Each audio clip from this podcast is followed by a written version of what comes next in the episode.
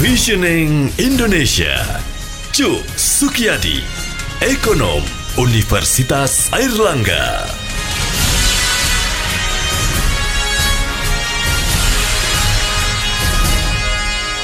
Mitra bisnis Presiden Joko Widodo menyiapkan sembilan jurus untuk melawan dampak wabah virus corona pada ekonomi di dalam negeri. Pertama, memerintahkan seluruh menteri, gubernur, wali kota memangkas anggaran yang tidak penting seperti perjalanan dinas, rapat, dan belanja yang tidak berpengaruh langsung pada peningkatan daya beli masyarakat. Kedua, meminta seluruh kementerian lembaga di pusat maupun provinsi melakukan realokasi anggaran untuk penanganan virus corona. Ketiga, Jokowi meminta seluruh pembantunya baik di pusat dan dan daerah untuk menjamin ketersediaan bahan pokok dan mempertahankan daya beli, khususnya masyarakat kelas menengah ke bawah. Keempat, masing-masing kementerian lembaga memperbanyak program padat karya tunai dengan tetap mengikuti protokol kesehatan demi mengurangi resiko penyebaran virus corona. Kelima, menambah tunjangan kartu sembako murah dari Rp150.000 menjadi Rp200.000 per bulan untuk satu keluarga. Keenam, mempercepat penyaluran kartu prakerja. Ketujuh, menanggung pajak penghasilan penghasilan PPH pasal 21 atau pajak gaji karyawan. Kedelapan, Otoritas Jasa Keuangan OJK melakukan relaksasi kredit untuk UMKM dengan nilai di bawah 10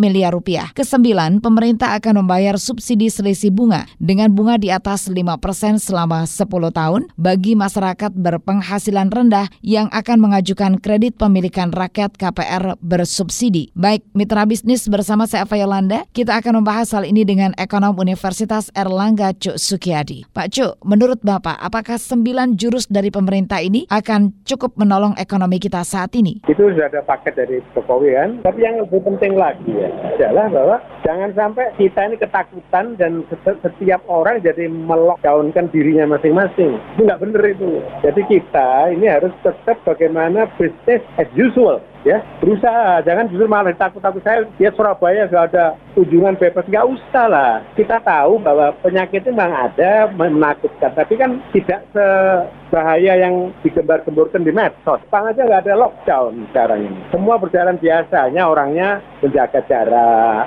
Orang Jepang kan memang tidak salaman. Orang Jepang itu selalu bersih. Itu yang harus kita kembangkan sekarang. Nah itu orang kelas menengah sama atas harus tempelopori jangan mereka di rumah aja. Mereka datanglah ke toko, ke pasar supaya ada pembelian. Kalau pemerintah saja yang hanya ngasih subsidi, jebol nggak akan mampu pemerintahmu. Jadi yang penting sekarang bagaimana memberikan optimisme pada sektor swasta dan pebisnis supaya mulai punya optimisme bergerak lagi ya. Itu yang paling penting menurut saya. Tapi Pak, kampanye stay at home sendiri kan juga digalakan oleh pemerintah. Nah, ini bagaimana? Stay at home in what sense? Anda tahu sekarang saya sedang di Bekasi, saya sedang di, lagi di kandang sapi sekarang itu.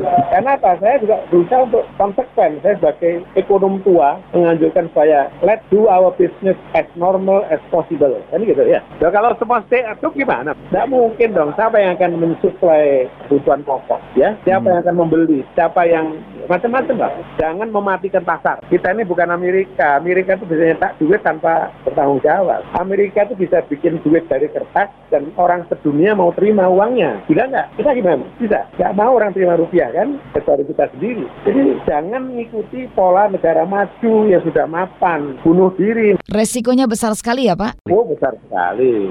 Bukannya besar, besar sekali. Jadi saya himbau Jokowi, Gubernur, Bupati, Wali Kota harus berpikir aspek ekonomi dan bisnisnya gimana. Kita bisa bertahan berapa lama begini ya. Jangan jangan kemudian kalau ketakutannya dibablas-bablaskan. Pemimpin harus memberikan optimisme kepada rakyatnya. Itu pernah terjadi tahun 1500-an ya. Itu ada kota kota Brasil di Belgia itu dikepung tentara Spanyol. Setahun nggak jatuh ya. Bertahan terus. Tapi harga barang-barang di kota itu naik. Kemudian apa? Rakyat di sana di dalam kota Brasil mengimbau pada pemimpinnya untuk menangkapi para pedagang. Hmm. Pedagang ditangkapi, ada yang dibunuh. Akhirnya apa? Pedagangnya lari dari Brasil semua kan. Setelah itu apa? Dalam dua minggu kemudian kota Brasil jatuh ke tangan Spanyol. Karena pada ada pasar, orang kelaparan di situ ya. Jadi kita harus belajar dari sejarah. Manusia itu sudah ekonomi yang kena, perutnya yang kena, bertahannya berapa lama sih? Puasa tiga hari paling banter kita. Jadi para pemimpin harus tahu itu. Ya, jangan asik kemudian, wah lockdown, stay at home. Ya, kalau semua orang stay at home, lalu siapa yang doing business?